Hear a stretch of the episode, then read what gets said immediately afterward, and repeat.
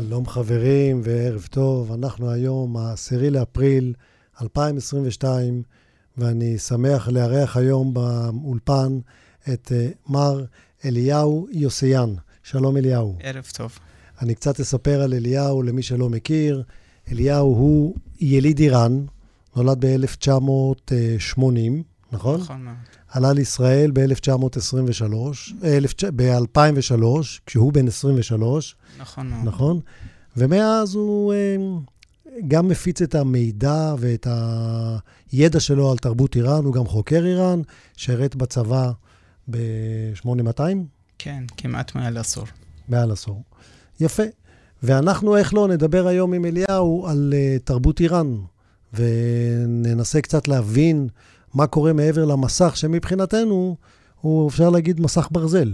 אנחנו לא כל כך יודעים מה קורה באיראן uh, אחרי שנות uh, השח.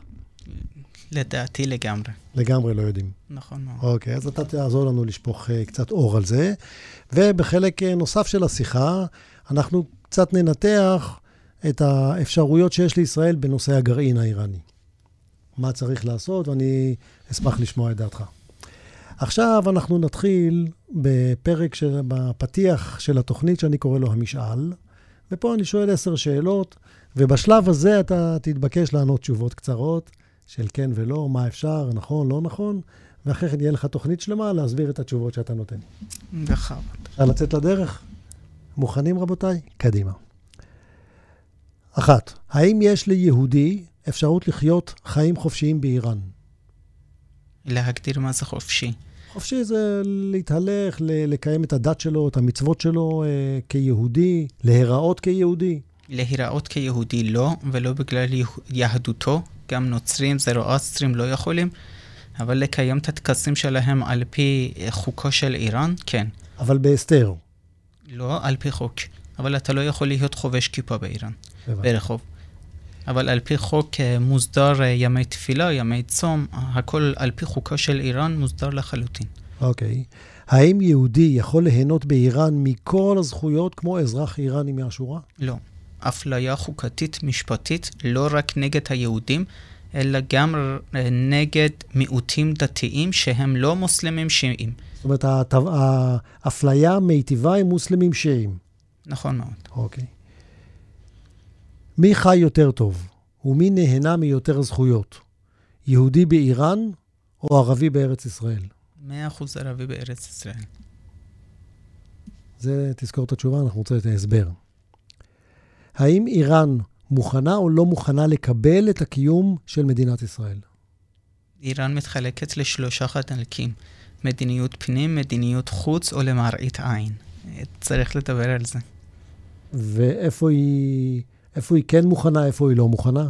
מדיניות פנים זה נוגע לאזרחים, אזרחים זה נושא בפני עצמו, מדיניות חוץ זה נוגע לממשל ומשטר, לא מוכן לקבל. לא מוכן. ומה הסיבה? סיבה של ממשלה, אחד, דת, שזה חלק מהסיפור, שתיים, אימפריאליזם הארית השיעית. זאת אומרת, אתה אומר שהם גם מבחינה דתית לא מוכנים לקבל את אה, מדינת ישראל, וגם מבחינה אימפריאליסטית, הם רוצים להתפשט כמדינה. נכון, והמדינה היחידה במרחב מזרח תיכוני שמפריעה להם להתפשט, לשלוט על מזרח התיכון, זה אך ורק מדינת ישראל. הבנתי. האם אתה סבור שהסכם הגרעין יכול למנוע מאיראן להגיע לפצצה גרעינית? שאלה, אה, שאלת מלכודת. הסכם, ההסכם כהסכם עצמו. להסכם אין שום ערך, זה חתיכת נייר.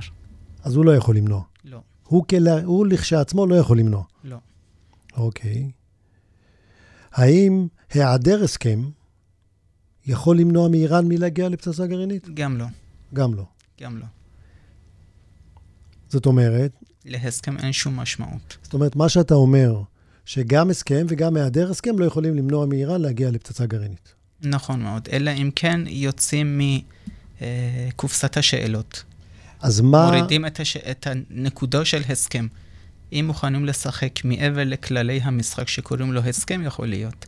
אז מה, אז מה כן יכול למנוע? מה זה המשחק הזה שכן יכול למנוע מאיראן? גיבוש מדיניות מול שאר המדינות שאיראן משחקת נגד אינטרס הלאומי שלהם, בהובלת מנהיג מסודר בעולם ולתקוף. לתקוף מה?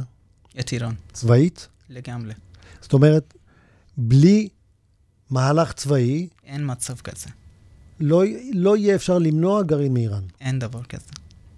לא זה יודע. עניין של זמן, טיפה איראן תשיג אה, מוקדם יותר גרעין או מאוחר יותר גרעין, אבל אי אפשר למנוע ממנו השגת גרעין. זאת אומרת, לשיטתך זה בלתי, בלתי נמנע שלאיראן יהיה גרעין. אלא אם כן תקיפה צבאית. זאת אומרת, התקיפה הצבאית זה הדרך היחידה למנוע מאיראן גרעין, זה מה שאתה אומר? אמת. אוקיי. האם יש לישראל יכולת למנוע צבאית גרעין מאיראן? לא יודע, זה לא סמכותי לענות לשאלה. אני שם אותך פה קצת במלכודת כאזרח, אתה יכול לתת תשובה כזאת? לא... אין לי את כל המידע שייתן לך תשובה מקצועית. טוב. האם פעולה צבאית של ישראל באיראן תגרור תגובה איראנית ישירה מול ישראל, תגובה צבאית? לדעתי בכלל לא צריכה להיות שאלה כזאת. יש פה המון שחקנים במזרח תיכון, שהאיראן פעם ראשונה עצם היותה ארית, פעם שנייה עצם היותה שיעית, ופעם שלישית עצם היותה שרוצה להשיג נשק גרעין, משחקת נגד אינטרסים שלהם. את כל המפרציות, כולל טורקיה, שזה סונים, אימפריה עות'מאנית וכולי. יש המון שחקנים פה שאיראן משחקת נגד ביטחון הלאומי שלהם, בכבוד. גם הם חלק מהמשחק. לשחק את המשחק הזה שאני הגיבור שואל... שעומד uh, בקדמת השורה ומתנגד לאיראן, זה לא משחק נכון וחכם. של ישראל? נכון. או, זה מעניין. אז אתה, אבל לא ענית לי לשאלה, אמרת שאולי זה לא חכם, אבל לא אמרת, שאלתי, האם פעולה צבאית תגרור תגובה איראנית צבאית ישירה נגד ישראל? כן. תגרור? נכון. והאם פעולה צבאית של ישראל באיראן תצית את המזרח התיכון?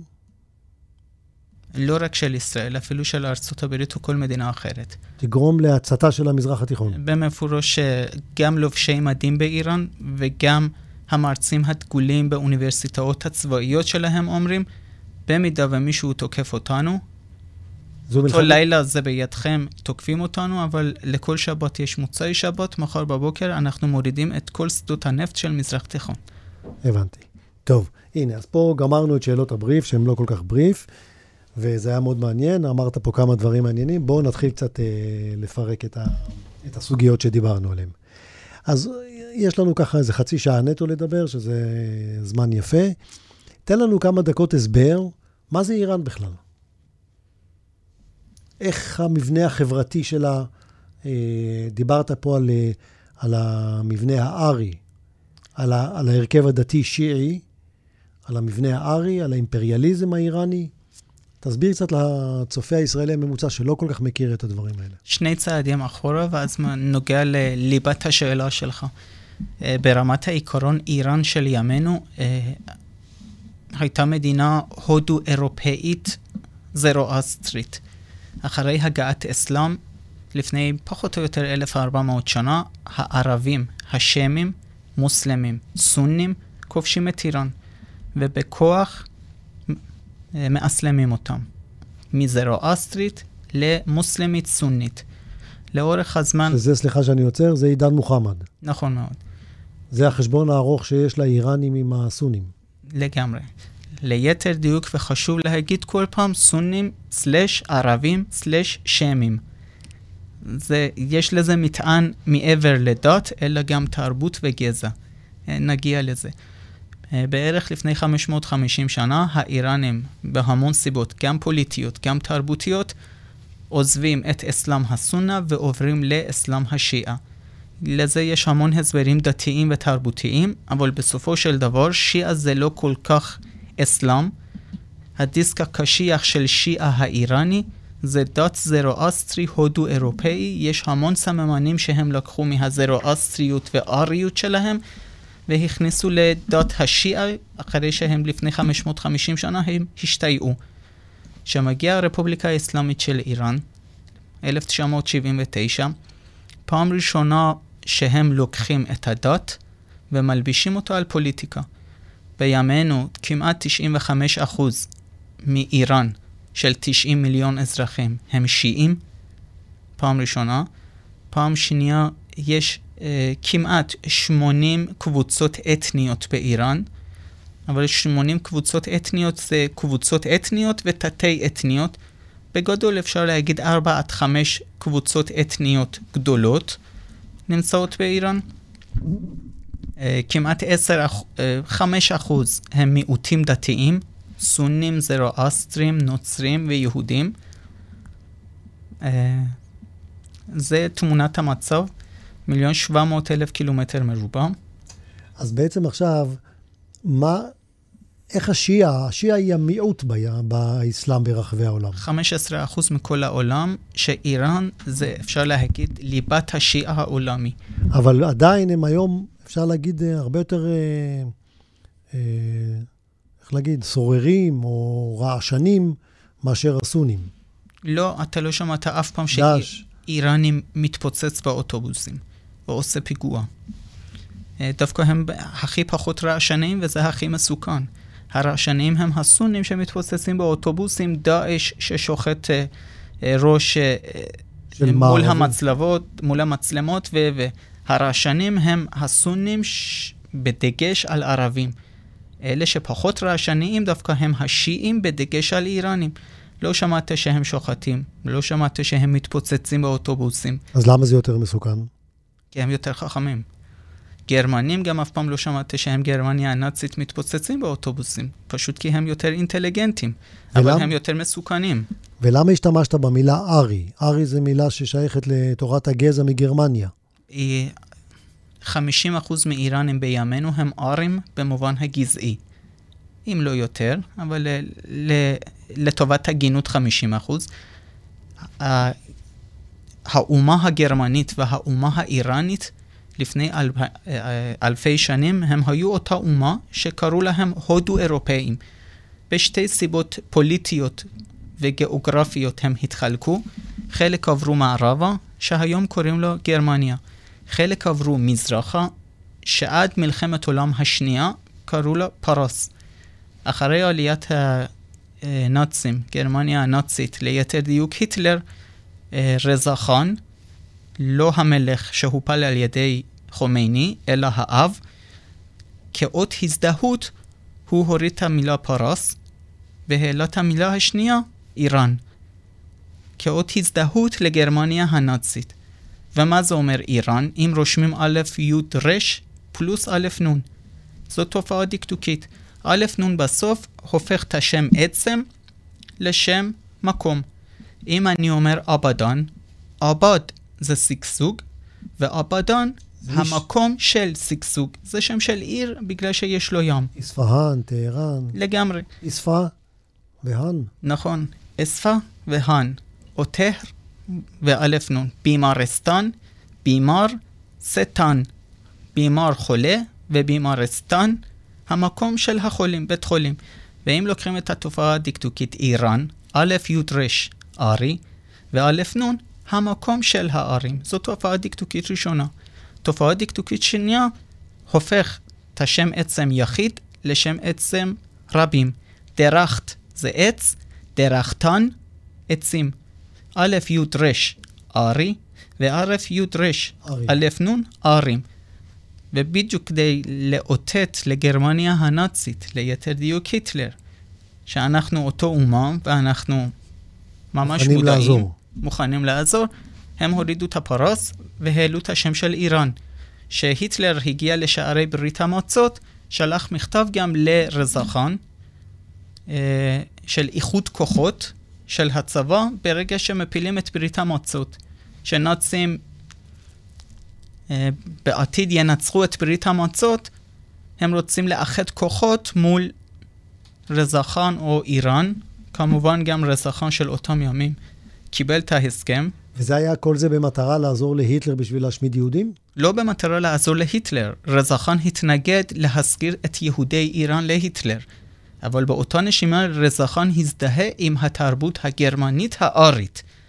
ברגע שהגרמנים היו מגיעים לאיראן, אם היו מגיעים, זה כבר סיפור אחר, האם רזחן היה מסגיר את היהודים או לא היה מסגיר את היהודים. אז הבסיס לזה, זה התפיסה הזאת, זה גישה עליון, של אה, עליונות אה, גזעית? חד וחלק. אחת הסיבות, כן, לגמרי. שהעם האיראני רואה את עצמו כעם נעלה יותר מהעמים שמסביבו? לגמרי. אם אתה מחפש עכשיו, אפילו לא עכשיו, לפני uh, 1400 שנה יש משוררים מאוד דגולים, פרדוסי, סעדי, יש להם שירים שעדיין מלמדים את הסטודנטים בפקולטות. יש אני אספהני, מעיר אספהן, יש נהר מאוד מפורסם שקוראים לו זויינדרות, שהנהר הזה חוצה את העיר לצפוני ודרומי. כשערבים כבשו את איראן, המשוררים כדי לזלזל בכיבוש הערבי היו אומרים ערב در بیابان מלח میخورد سگ اصفهان آب یخ میخورد تیرگوم شلو הערבי אוכל ג'וקים במדבר וכלב אספהאני שותה מים קרים. זאת אומרת, תראו את המצב מי עושה לי שרירים. הבן אדם שאוכל ג'וק, שהוא יותר מושפל יותר ונכות מהכלב שלי. מהכלב שלי, עכשיו רוצה לעשות לי שרירים. גם בתקופת המלך, לפני המהפכה האסלאמית, המלך לגמרי היה ארי, בנאומים שלו הדגיש את האריות. אחרי המהפכה האסלאמית היום גם אנחנו רואים במפורש אחד המשטרים הכי אנטי-ערביים זה הרפובליקה האסלאמית של איראן באור יום תוקפים את ריאז, סעודיה, את מדינות ערביות אחרות. ממש הם עוקבים אחרי נאומים של חמנאי או מרצים של אוניברסיטאות, מזהים את האנטישמיות, האנטי-ערביות שלהם. הזמירים שלהם, הנוער, הסטודנטים, חברים שלי, היו שומעים ממש שירים מאוד גזעניים. הם נג... מזדהים עם זה. נגד, ה... נגד הערבים הסונים. נכון מאוד. עכשיו, אה, איראן של אה, ימי השח, לפני 1979, גם הייתה מדינה כזו דתית, שיעית. זאת בדיוק הסיבה שהפילו את המלך. מלך היה בן אדם חילוני, במידה רבה מאוד מערבי, והעם באופן מובהק היה מסורתי, דתי, שמרן, לאומי. שהיינו פה, אה, הדור ההוא שהיה פותח את הטלוויזיה, היה רואה איזה עולם תל אביבי ליברלי חילוני. שלא אבל... התאים לו. של... שלא התאים לו, וגם המסך היה משקר, כי זה לא תמונת מצב של רחובות. היו המון זרמים פוליטיים שרצו להפיל את מלך. היו זרם של תנועות כמו מג'הדיני חלק, היה תנועה דתית סוציאליסטית, היה תנועות קומוניסטיות שלא האמינו באלוהים, היה תנועות אינטלקטואליות בהנהגתו של אה, אה, מרצה בכיר אה, של אוניברסיטה, והיה תנועה דתית של חומייני, שהוא היה איש דת מובהק, הנאומים שלו היו נאומים דתיים מובהקים. העם ראה את כל האופציות שלו, ומי שהנהיג את העם בסופו של דבר הוא היה האיש הדת. איש הדתי, חומייני, פוסק הלכה. ומה זה מוכיח? פעם ראשונה מוכיח שהם לא רצו לא את החילוניזם ולא את המערביזציה. עובדתי שהפילו את המלך.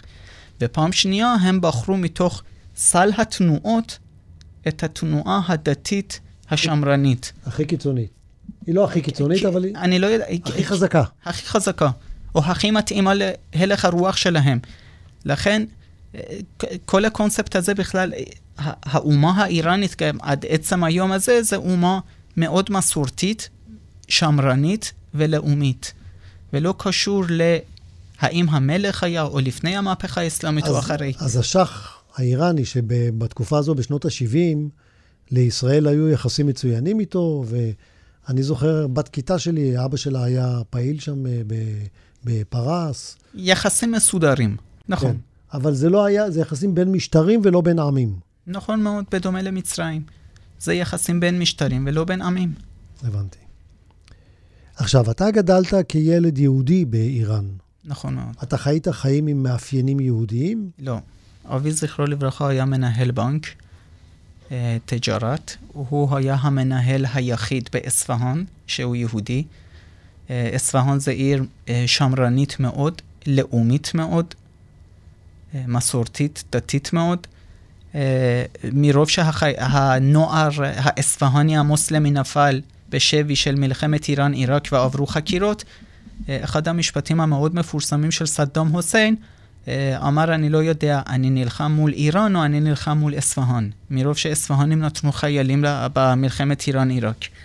והוא היה היהודי היחיד שהגיע להנהלה, אה, וזה היה מאוד בולט, אבל אה, מחבר את זה לשאלתך, שזה בגלל אפליה חוקתית ומשפטית, בסופו של דבר שללו ממנו את ההנהלה, לקחו ממנו. בגלל שהוא יהודי. בגלל שהוא יהודי, ניצלו הזדמנויות. אבי עבר התקף לב. בן כמה הוא היה? 45. או, צעיר. נכון מאוד. ועל פי הנחיות אה, של מטה בנק תג'רת, הוועדה הרפואית המליץ למטה לשבץ אותו בסניף קרוב הביתה. מטה של בנק תג'רת אה, שם מסמך על השולחן, אדון יעקב יוסיאן, תוותר על הנהלה שלך, ואנחנו מוכנים לשבץ אותך קרוב לבית, מה שזה בניגוד בכלל להנחיות של בנק.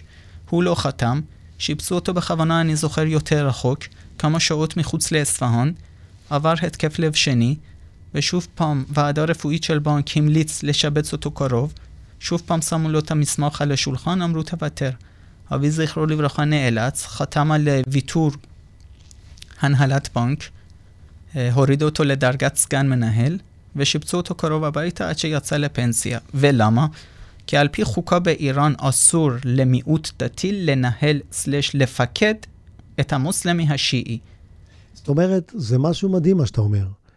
לא יכול להיות מצב שאדם שהוא בן מיעוטים ינהל או ישלוט על, על מוסלמי שיעי. אמת. מעבר לזה, עכשיו אני מחבל אחת השאלות של... רגע, בוא רגע ניקח את זה למקרה שלנו. אז אם יש במדינת ישראל מוסלמי שיעי, בהגדרה שלו הוא לא מוכן לקבל את המרות של מדינת ישראל, כי הוא לא מוכן, כי לפי הדת שלו אסור שמישהו, שאיש מיעוטים ישלוט עליו? לא, הרבה יותר אקוטי מזה.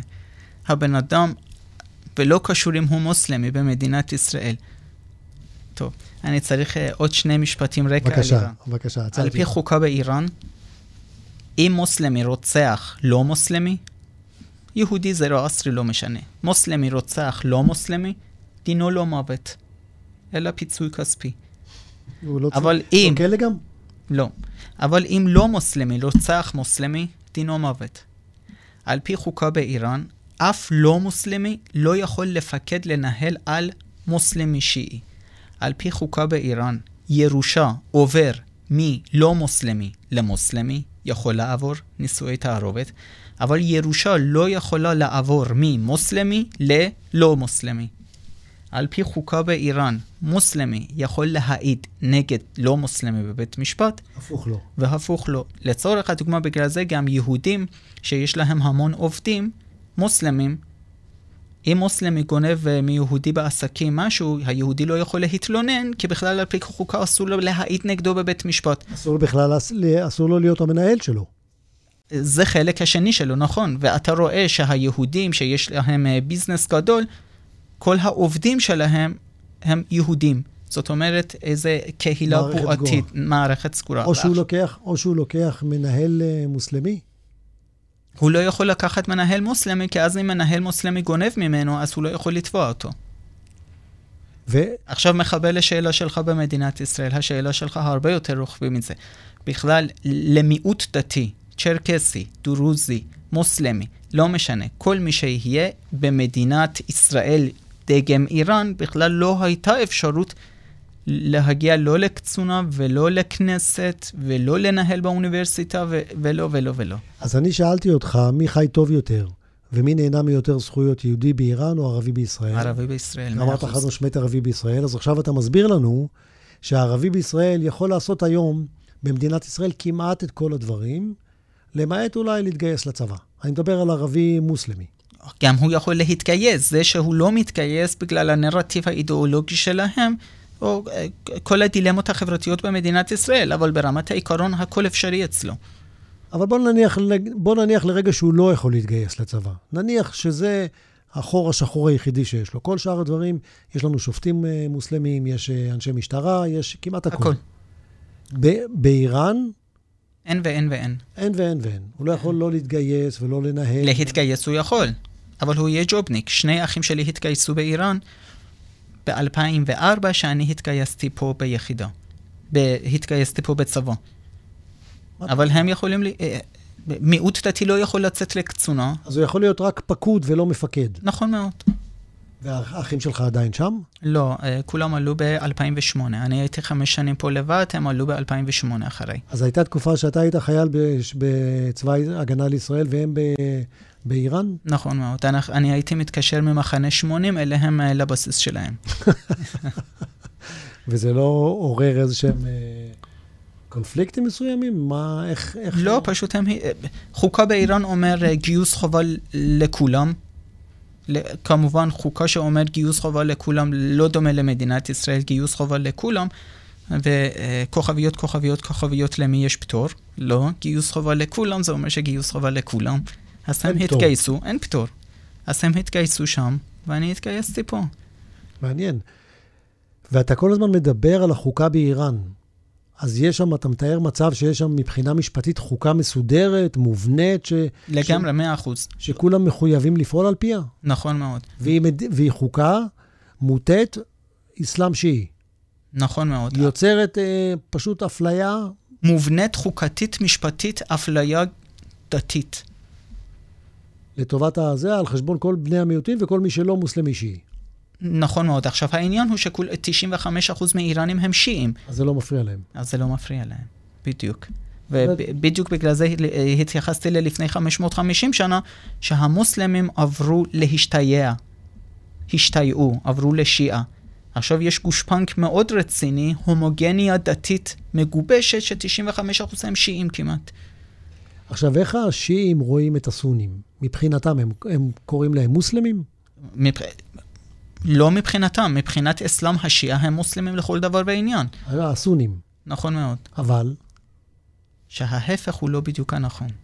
שהמוסלמים הסונים לא רואים את המוסלמים השיעים בעין יפה, בלשון המעטה ביותר. חצי, חצי קלאש כופרים. ויש לזה המון סיבות, כי הם שאיפו את האסלאם האמיתי של מוחמד, והפכו אותו לאסלאם שבא להם. מבחינת המון אה, פסקי הלכה, השקפה דתית, הפכו אותו לאריזציה, הפכו אותו להודו אירופאית. ולכן יש המון הלכות, רזולוציות דתיות, לוקח לי המון זמן. אני, אני עברתי אה, את כל קורסי אה, הלכה ושיעה, אני עברתי באיראן. אני לא הייתי בתוך קהילה יהודית. אה, זאת אומרת, מכיתה א' עד שנה שלישית של הנדסה אזרחית שלמדתי באיראן, אני עברתי את כל פסקי הלכה וקורסי אסלאם השיעה. והגעתי לפה והתעניינתי לאט לאט גם לאסלאם הסונה, או לפעמים גם שם בתוך הקורסים היו משלבים את הפערי אסלאם השיעה לאסלאם הסונה. אסלאם השיעה הוא אה, יישומה של אריות זרואסטריות, ולכן ההפך הוא הנכון, המוסלמי, השמי, הסוני, רואה באיראני הארי השיעי הפילגש של העולם המוסלמי. אז מי שמתנשא אחד כלפי השני, זה הסונים מת, מתנשאים על השיעים, ולא הפוך. אז ההתנסות עכשיו זו שאלה, שאלה הרבה יותר מורכבת. מה הסיפור? העולם הסונה, קוראים להם שם השני אהלול מכתוב. אנשי כתוב. בגלל זה גם סונים, פוסק הלכה שלהם, קוראים להם מופתי. מופתי בא מפתאווה. מה שכתוב, הוא מוציא כפסק הלכה. ולכן בימינו לצורך הדוגמה הם הרבה יותר מקובעים. במצרים המצרים ההדוקים מה, עושים ברית לבנות שלהם, שלא ייהנו מי. או לצורך הדוגמה בסעודיה אחרי לחץ אה, אינסופי של איכות האירופי, הסעודים נתנו לנשים לנהוג. כי הם אהלול מכתוב, כתוב ככה, המופתי מוצא פסק הלכה. לעומת זאת, בעולם השיעה האיראני, פוסק הלכה קוראים לו מוצ'תהד. מוצ'תהד זאת אומרת מתאמץ. מתאמץ לטובת מה? אני עוצר. קוראים לשיעים בעולם האסלאם אהלול ראי, אנשי הדעה. המילה הזאת, המצאו את המילה הזאת איראנים, אהלול ראי. ולמה? איראני בא ואומר, לפני 550 שנה שהשתייעו לאט לאט, אומר, לא מתאים לי אהלול מכתוב. מה זאת אומרת כל מה שכתוב זה מה שיש? אני אהלול ראי, אני המצאתי שחמט, יש לי שכל. אני צריך לקחת את האסלאם ולהתאים אותו ל-2022. ולכן פוסק הלכה שלי קוראים לו מוצ'תהד, המתאמץ. עכשיו מי מתנשא על מי? המוסלמי הערבי השמי מתנשא על הארי השיעי, שאתה זייפת את הדת. הארי השיעי... בגלל, בגלל שהוא לא, לא עובד לפי הפתווה. בגלל נכון שהוא לא עובד על הכתוב. נכון. והמוסלמי האיראני השיעי אומר, כי אתה ראש בקיר. אתה צריך בספ... להתקדם. אתה צריך להתקדם, נשארת בור. נשארת תקוע. נכון. ותראה אותי, 55% מאוניברסיטה היום מייצגים בנות, סטודנטיות. יש לי שבע טייסות, יש לי יחידות קרב של נשים, אה, יש לי 700 שופטות. כמובן, יש את הדילמות של אה, מעמד האישה באיראן, אבל רגע, במבט אחר. רגע, אז בעניין של ההתנשאות, שני, אחד מתנשא על השני. נכון, אבל בהיבטים שונים. היבטים שונים. נכון. זה אומר לו, אתה, השיעה אומר לסונה, אתה תקוע בשנת 500, אתה לא מתקדם. נכון מאוד. והסונה אומר לשיעה, אתם מזייפים את, המכתוב. נכון. את המכתוב. נכון מאוד. אתם לא, לא הולכים לפי הפתווה. נכון מאוד. ואחד מתנשא על השני. נכון מאוד. וזה סיבה להיכנס למלחמות ולכולי. זה חלק מהסיבה, כי זאת הדת. בסדר, חלק השני רגע. שלו, העליונות האורית טוב. והתרבותית. בסדר, אה, לא נרחיב על הקטע הזה. אני רוצה לנגוע איתך שתי דקות על הנושא של הנשים. איפה מעמד האישה יותר נחות? אם אני מבין נכון, תגיד לי אם אני הבנתי נכון את השיעור שנתת, אז אני אגיד שבארצות הסונה, האישה היא במעמד נחות. בהשוואה לאיראן שנת אור. כן, ובאיראן יש להם, הן הרבה יותר מתקדמות, בגלל שהן יכולות ללמוד ויכולות לעשות הרבה דברים, אה, כי הם התפתחו, הם התאימו את החיים של היום ביחס, את השיעה למצב של היום, לעידן נכון המודרני, אבל עדיין אישה שם נחותה מגבר. לשאלה, למשפט האחרון שלך, יש מערביזציה או חילוניזציה. כי נחותה מגבר, לזה יש משמעות בעולם החילוני-ליברל המודרני, שישראל גם חלק ממנו, נחותה ממנו, כי מדינות חילוניות ליברליות כהווייתם, חושבים לשוויון, 50-50. ולא קשור עכשיו לרפובליקה האסלאמית של איראן. ההוויה התרבותית, הדתית, המסורתית, השמרנית של האומה האיראנית לא תופסת את השני מינים האלה, גבר ואישה, כ-50-50. בעיני האומה האיראנית, השוויון במובן החילוני-ליברל המערבי לא קיימת, אלא הייעוד. ולכן השאלה הזאת זו שאלת מלכודת. זאת אומרת, בראייה האיראנית, אישה, התפקיד של אישה בעולם שונה משל הגבר. נכון מאוד. והיא עושה את הדברים שהיא היא צריכה לעשות את הדברים שלאליהם היא נועדה. נכון מאוד. ובקטע הזה, אם היא נמצאת בבית, או מביאה ילדים, או זה, זה... או בסדר. עובדת, אבל עובדת חצי משרה כי שלוש נקודות, זה לא אומר שאנחנו לא שווים, אלא זה אומר שהייעוד שלי הוא שונה. בדיוק כמו שחמט, אם אתה מזיז את הפיל, או אם אתה מזיז את הסוס, זה לא אומר סוס יותר טוב או פיל יותר טוב, לכל אחד יש את הייעוד שלו. לכן הקונספט הזה בשאלה שלך זה שאלת מלכודת בכלל, כי זה עניין תפיסת עולם. כי אתה אומר לי, אתה מתייחס, אתה חושב במושגים מערביים שגבר ואישה צריכים להיות שווים. וזאת הטעויות המערביות, בכלל בעולם המודיעיני אפילו, בחטיבת המחקר של עולם המודיעיני. בגלל זה גם הם שמים קודם כל משקפיים חילוני, מערבי, על בסיס השקפת עולם שלהם, ואז חוקרים את מזרח תיכון סלש איראן גם כחלק ממנו. ולא מבינים למה הם לא מבינים. אמת. ואז האמריקאים מביאים אה, דמוקרטיה על גבי טנקים שלהם ב- לעיראק, אחרי זה, זה יוצאים, בפרצוף. אחרי זה האומה העיראקית הולכת לקלפי ומוכנה ללכת עם איראן. ולא מבינים מה קרה פה, שהם לא רוצים את האמריקאים שהצילו אותם מידי סדאם, לעומת זאת רוצים את איראנים. ובגלל זה גם אחרי שמובארק נפל, הם שלחו את המצרים לקלפי והם בחרו במורסי. והם לא הבינו איך יכול להיות הם בחרו במורסי. למה? כי חטיבת המחקר של עולם החילוני-ליברל קודם כל שם את המשקפיים השיפוטי שלו, ואז הוא רוצה לחקור את הצד השני. לעומת זאת, בכלל קודם כל צריך להוריד את המשקפיים האלה. אחרי זה ללמוד אותו, להבין אותו, ואז לבנות שאלות מחקר. ובדיוק מה שאתה אומר, הנכות, מעמד הנוחות יותר בין אישה לגבר, עכשיו צריך להסביר, האם שוויון או אי שוויון זה מעמד הנוחות יותר, או האם ייעוד הוא גורם למעמד הנוחות. וזו שאלת מרקולת, כי יש תפיסה תרבותית, אידיאולוגית, השקפתית. אבל אני אחדד את השאלה. האם אישה באיראן יכולה לעשות פתוחות בפניה כל ההזדמנויות כמו, כמו לגבר? לא, יש, תפ... יש, אה, יש תפקידים מסוימים שסגורים בפני אישה. לצורך הדוגמה, היא לא יכולה להיות לוחמת בקו החזית, בקו הראשון. זה למה? כי היא אישה או כי דואגים לבריאות שלה? פעם... מצוין. פעם ראשונה, כי הם דואגים לבריאות שלה, כי בתפיסת העולם שלהם, קודם כל את צריכה לבנות משפחה, ואני לא צריך אותך בקו הראשון, שתאבדי את... אה, את הרחם. את הרחם, זאת פעם ראשונה. פעם שנייה, שאני לא מוכן לקחת בחשבון אם את תיפלי בשבי. כי אולי יעשו לך את מה שאנחנו עושים למי שאנחנו נתפוס. נכון מאוד. ויש פה הבנה תרבותית שהאישה אומרת, גם אני לא רוצה להיות. עכשיו, בתפיסה מערבית אומרים, עצם העובדה שלא נותנים לך להיות לוחמת, זה, זה האפליה. אבל האישה האיראנית בעצמה, במובן התרבותי, היא לא רוצה, היא מבינה את ההוויה שאני לא רוצה להיות לוחמת. היא מבינה את המקום שלה ביקום. נכון מאוד.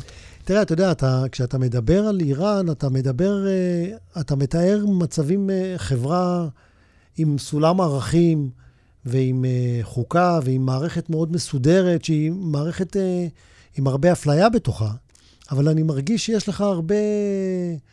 יש שם דברים שאתה אוהב בתרבות הזאת. זו תחושה נכונה? הרבה מעבר לזה הייתי מחליף את המילה הזאת למעריץ. תסביר. במקום אוהב את התרבות, הייתי אומר, אני מעריץ את התרבות. תסביר. את, אני, אני מדייק את עצמי, תרבות האיראנית המוסלמית, ולא תרבות היהודית, כי תרבויות יהודיות הן גלותיות בכל מדינה.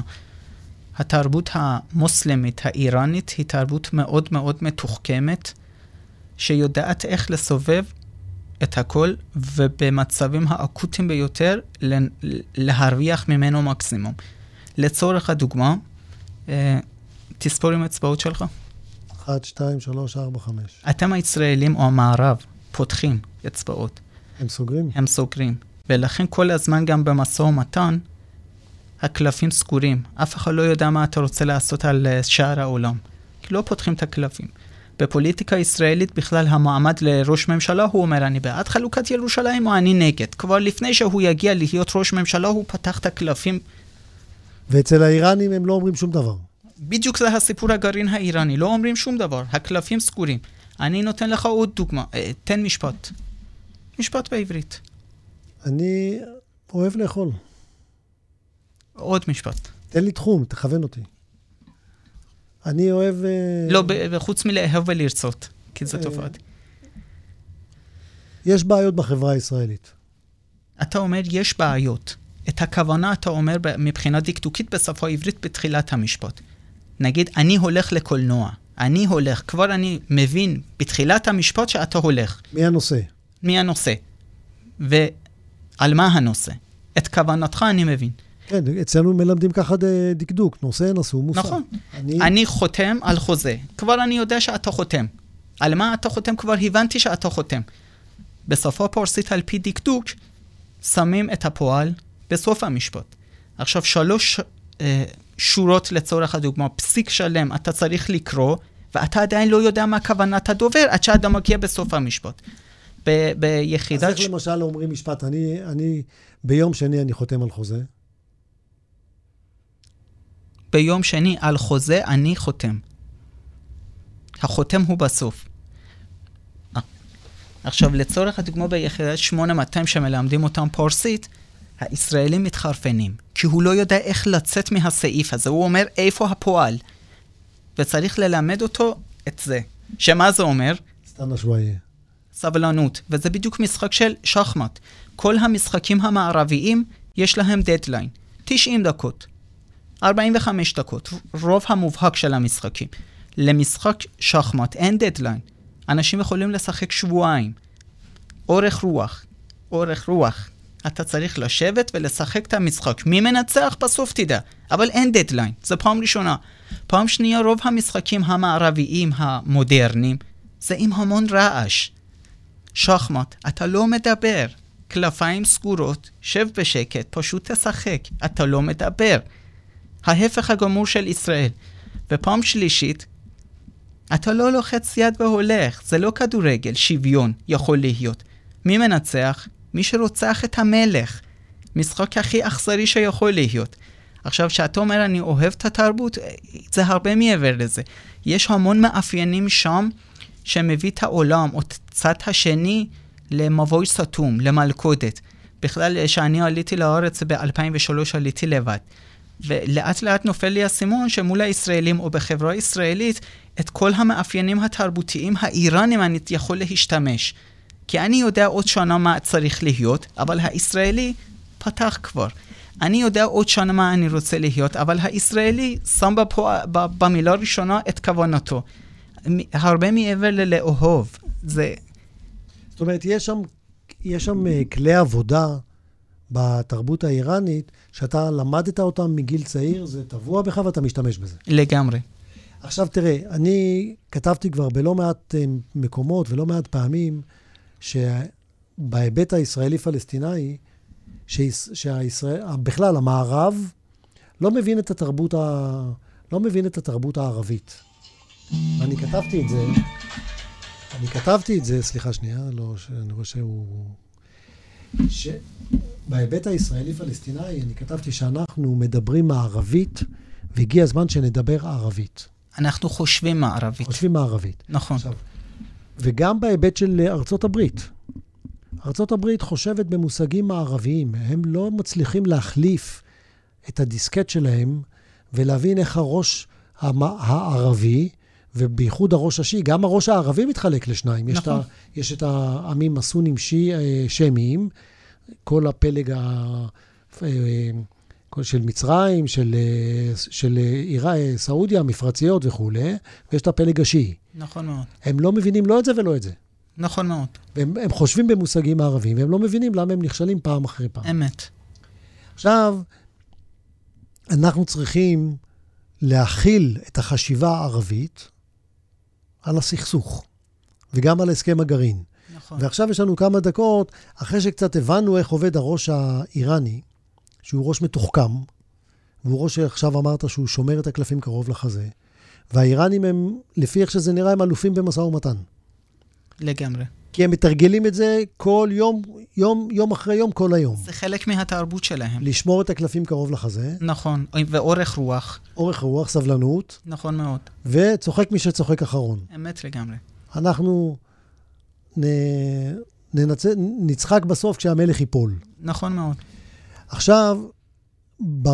בהינתן שזה הראש האיראני, איך ישראל צריכה לנהוג במערכת הזאת? ישראל הנוכחית לא יכולה לנהוג במערכת הזאת, כי בדיוק אני מחזק, מחדד, נשען על משפט הקודם שלך, כי לממשלות של מדינת ישראל...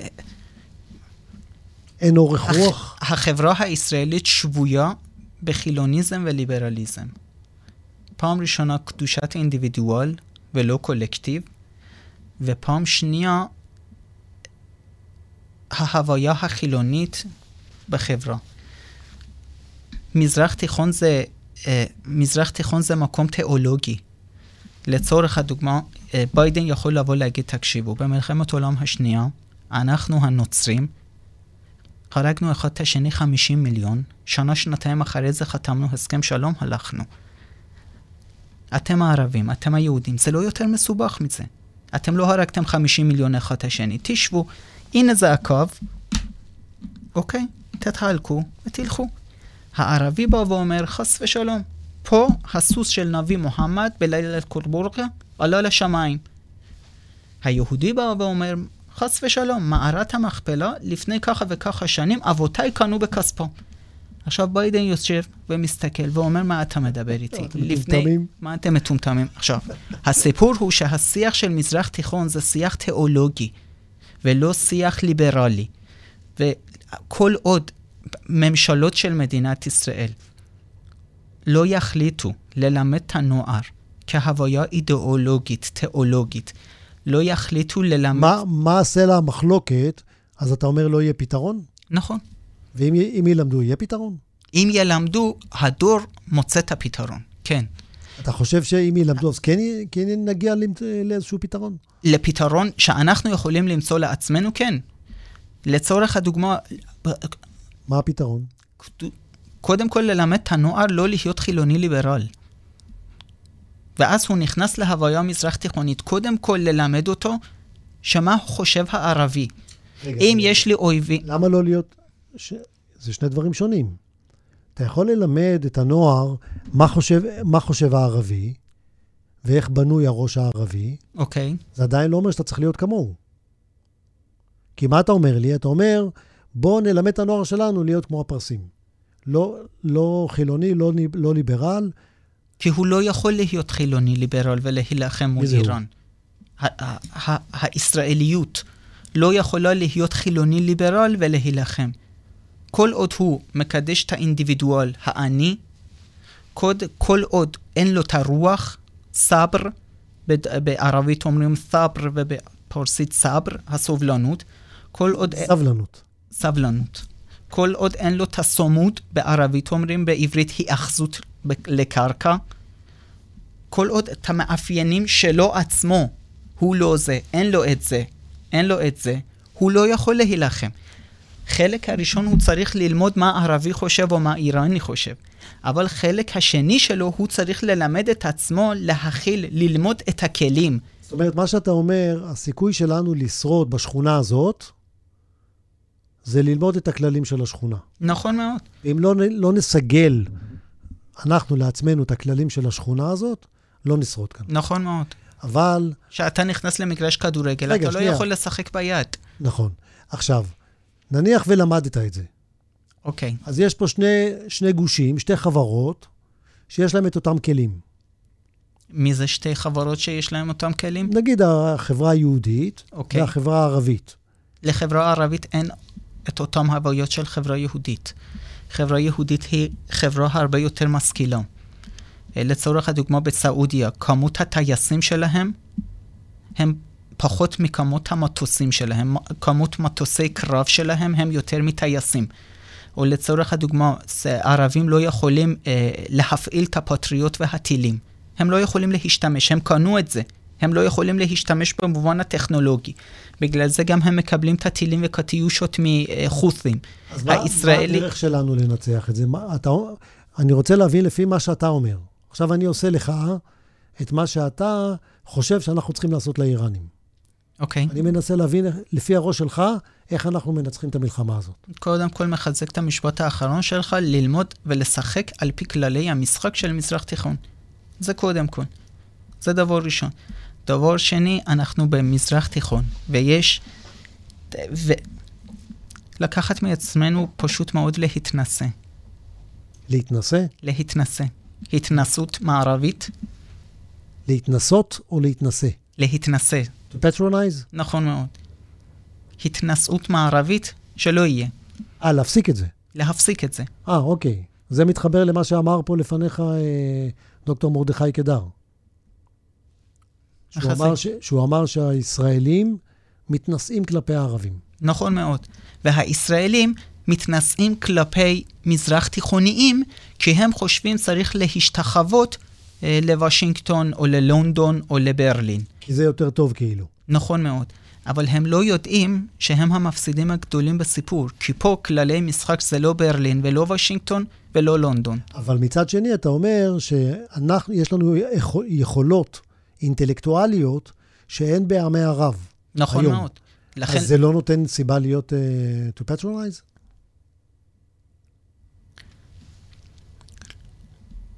יכול להיות כן, אבל לא צריך להיות. זאת אומרת, תהיה צנוע. נכון, אני מתרגם את זה במובן השיעי הארי. באוניברסיטאות שלהם יש שלושה מרצים מאוד דגולים באוניברסיטאות הצבאיות שלהם ומשמרות המהפכה.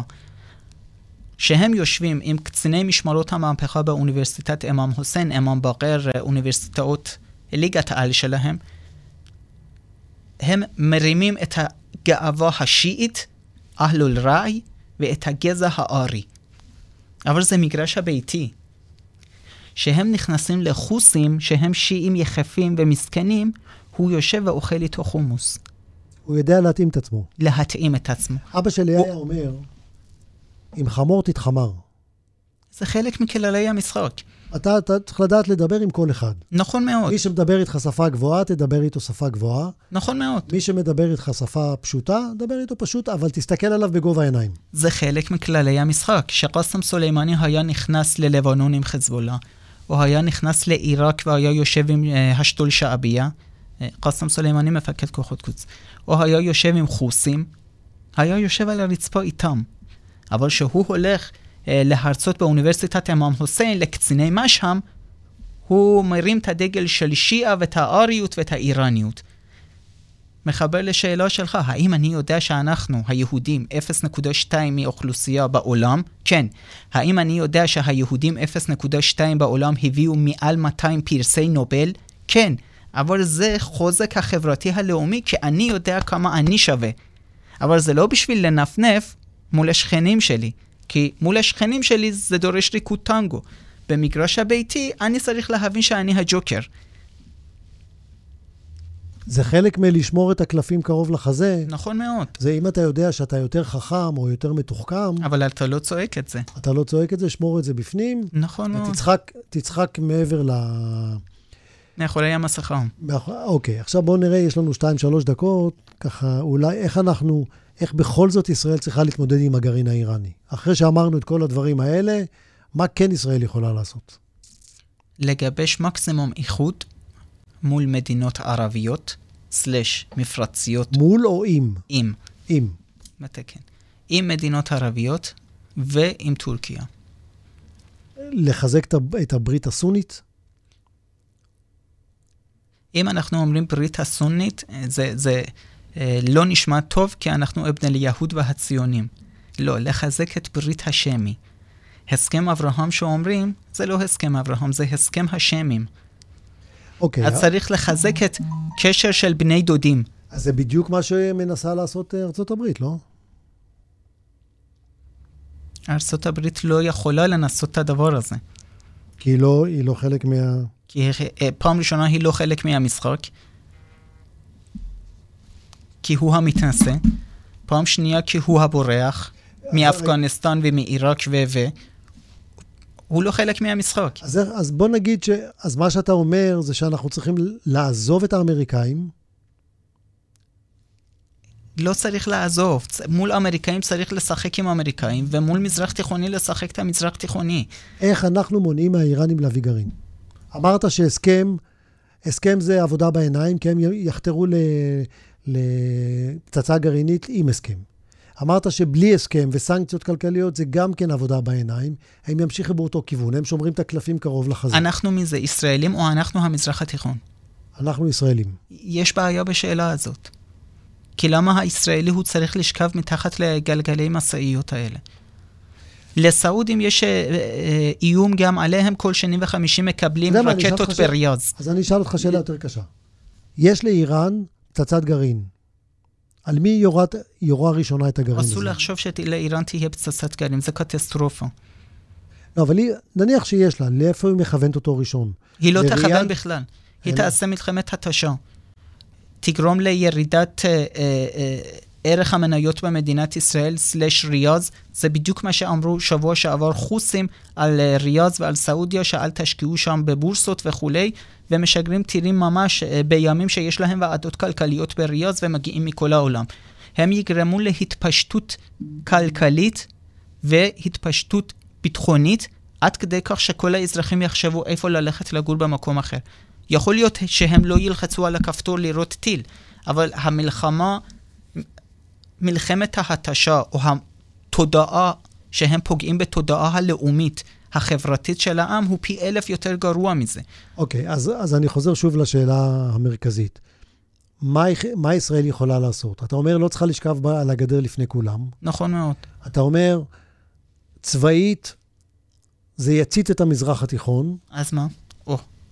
אז כן לעשות את זה או לא לעשות את זה? כן לעשות את זה עם בונות ברית, במזרח התיכון. אז אתה אומר לגבש ברית. לגבש גוש מאוחד של בני דודים, שקוראים לזה שמים. ולעשות פעולה צבאית משותפת? כן. אבל זה דעה אישית, כמובן זה לא המקצועי. כן, ו- ואז, עכשיו, היום איפה נמצא הגרעין האיראני? הוא לא מוחבא מתחת לאדמה? אני לא יודע את זה. יש יותר טובים ממני שמבינים את העניין. אני לא בקיא בנתונים האלה. מה שאני יודע, שאסור למזרח תיכון לקבל איראן גרעינית. כי אז כולנו נהיה בני ערובה שלהם? נכון מאוד. מהערבי עד היהודי. כל מי שהוא לא שיעי, מוסלמי שיעי, איראן. נכון. פעם ראשונה לאיראן יש אה, בונות ברית, עיראק, סוריה, לבנון, תימן, שנותן לו עומק אסטרטגית. פעם שנייה, איראן בעצמה בכלל מיליון שבע מאות אלף קילומטר מרובע. אם אני לא טועה, מדינה חמישית, חמישית מארצות הברית, שיש עוד יותר עומק אסטרטגי. פעם שנייה, פעם שלישית, 100 מיליון תושבים יש לו, שנותן לו המון אורך רוח שהם ייפלו במלחמות עתידיות. ופעם רביעית, הם שולטים על כלכלה עולמית כמעט.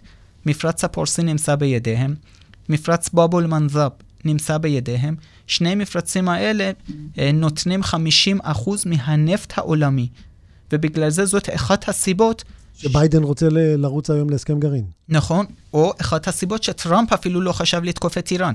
למה? כי הם סוגרים את שני המפרצים האלה, ו-50% מנפט העולמי נופל.